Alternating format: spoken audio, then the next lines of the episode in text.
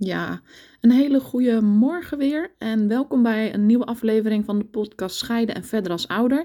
Leuk dat je weer luistert. Ehm, ik, ehm, ik heb dit keer eh, een onderwerp uitgekozen om te bespreken wat gaat over, een, ehm, een samen, over samengestelde gezinnen. Een gevolg van, eh, van iets als je gescheiden bent met kinderen is dat je wellicht een nieuwe uh, liefdespartner tegenkomt. En uh, dat jullie besluiten samen verder te gaan en een nieuw gezin te vormen. En hoe fijn is dat na een lastige periode van scheiding dat jullie um, elkaar gevonden hebben en besluiten het, het leven verder te delen. Um, ja, het geluk lacht je weer een beetje toe. Of misschien is het nog helemaal niet uh, van toepassing uh, als luisteraar. Ja, aan de andere kant van, van deze podcast. En moet je nog helemaal niet denken aan een andere partner. en toch blijkt uit cijfers, um, en dan doel ik op het uh, CBS-bronnen uh, cijfers, dat uh, veel gescheiden mensen binnen een korte periode weer samenwonen met een nieuwe partner. Um, zo is het dat na zes jaar 75% van de mannen weer een nieuwe partner hebben en 60% van de vrouwen. En dit betekent dus dat uh, nieuwe partners een rol gaan spelen ja, in de opvoeding van jouw kind. Um, zowel de ene kant op als de andere kant op. Dus niet alleen jouw kind, maar jullie kind. En hoe ga je daar dan uiteindelijk mee om? Ja, er lijken misschien voor de ene partij heel veel voordelen uit te halen. En voor de andere partij kan het misschien juist als, ja, eh, als we een bedreiging voelen dat er iemand anders bij komt die iets, um, ja, die ook dicht bij jullie kind komt. Uh, dus door alle vreugde heen van de partij die een nieuwe partner heeft, kan een samengesteld gezin ook echt wel um, zijn uitdagingen hebben. En vooral ook omdat de verwachtingen die, die er zijn, uh, anders zijn dan de praktijk. En um, dan gaat het voornamelijk over dat we ervan uitgaan dat het verder gaat zo waar we gebleven waren. Dus we zijn weer een compleet gezin. Er is weer een zorgrol. Een persoon die een zorgrol heeft. Um, er is een vader die gewoon naar zijn werk gaat. Um, ja, misschien dat uh, de nieuwe partner van vader. Uh, vader heel graag wil ondersteunen in de opvoeding. Dus die zal wat meer uit handen gaan nemen. en wat doet dat dan weer aan de andere kant? Um, want van je kind krijg je misschien terug dat de nieuwe vriendin van papa um, hartstikke leuk is en veel tijd doorbrengt en ze naar school heeft gebracht of meegaat naar de sport op zaterdag. En denk jij, waar is papa dan in dit hele verhaal? Ja, dus het zorgt dus ook vaak voor spanningen. Um, daarom is het ook altijd goed om, als er een nieuwe partner uh, is bij een van jullie, dat, dat dat eerst verteld wordt aan de ex-partner.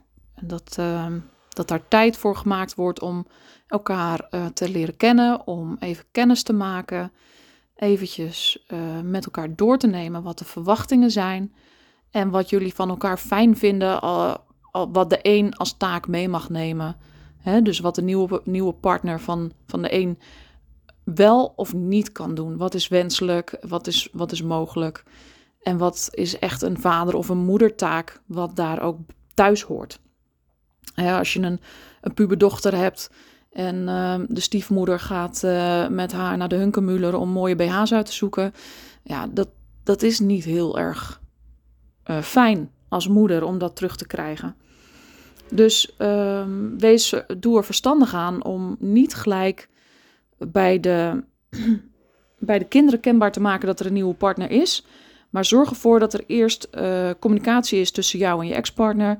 Dat je hem of haar zelf vertelt dat er een nieuwe, nieuwe uh, partner is. En dat je daarna ook eventueel um, zorg draagt voor een, uh, een kennismaking. Ja, precies dat. Dat helpt jullie uiteindelijk ook om het goed in één verhaal naar de kinderen te brengen.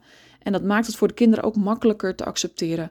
Als, als mama het oké vindt dat papa een nieuwe vriendin heeft, is het veel makkelijker dan dat mama nog helemaal van niks weet. Kinderen thuiskomen na een weekend uh, bij papa en dan ineens vertellen van nou, uh, we hebben papa's nieuwe vriendin gezien. En uh, nou ja, stel je maar voor hoe de rest van het verhaal gaat uiteindelijk. Um, en dat geeft ook weer natuurlijk een conflict bij jullie kinderen. Want oh, mocht ik dit wel vertellen? Uh, wat kan ik wel zeggen? Wat kan ik niet zeggen? Doe ik mama of papa hiermee verdriet? Of heb ik nu veroorzaakt dat er weer een ruzie is? Dus op het moment dat jullie uiteindelijk uh, ervoor zorgen dat de communicatie tussen jullie al geregeld is, geeft jullie kind meer vrijheid ook echt kind te kunnen zijn. En dus ook te kunnen vertellen ja, hoe het weekend was bij papa of bij mama. Dus um, zorg ervoor dus dat dat um, jullie taak blijft. Wat verder ook uh, goed is om je te realiseren, is dat een stiefouder die um, deel gaat uitmaken van het gezin, uiteindelijk nooit de plek in kan nemen van de vader of de moeder. Um, het, is, het is een ondersteunende rol die deze stiefouder kan nemen. En vaak komt daar just, dus juist wel de verwarring in. En, en op den duur, als dingen uh, vast worden, hè, dus kinderen krijgen in de gaten dat het met de stiefouder uh, toch ook wel serieuze afspraken komen in het gezin. Uh, dat dingen ook veranderen, hè, want ook de stiefouder heeft misschien bepaalde regels, um, omdat ze in het huis woont met papa. Is het zo dat, um, dat het heel verleidelijk is om de grens over te gaan van ouder of ondersteunende stiefouder, laat maar zeggen. Stiefouder is daarin natuurlijk ook een verleidelijk woord, um, want je bent hoe dan ook niet de ouder van, um, van het kind. Dat is in ieder geval hoe ik er naar kijk.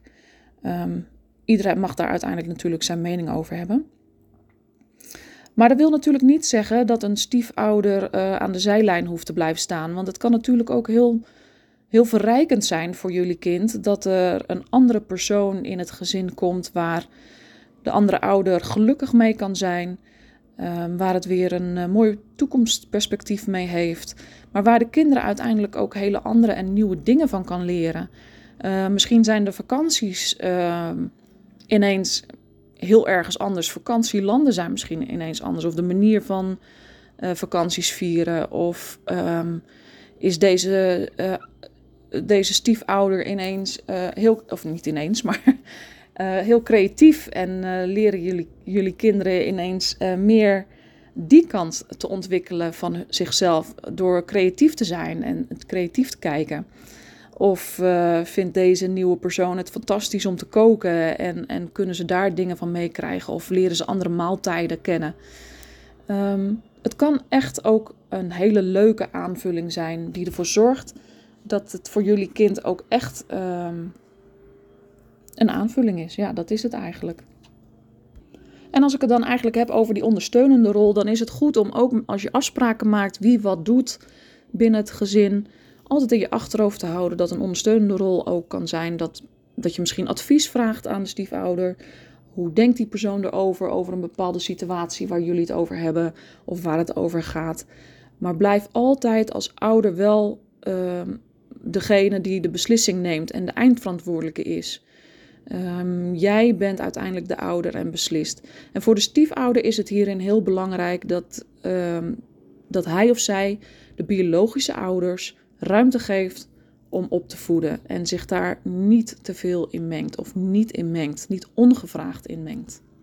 Dit doet echt uh, goed aan jullie onderlinge relatie. En het is in het begin natuurlijk altijd heel erg wennen als er een nieuwe persoon uh, zich voegt in, uh, in het gezin.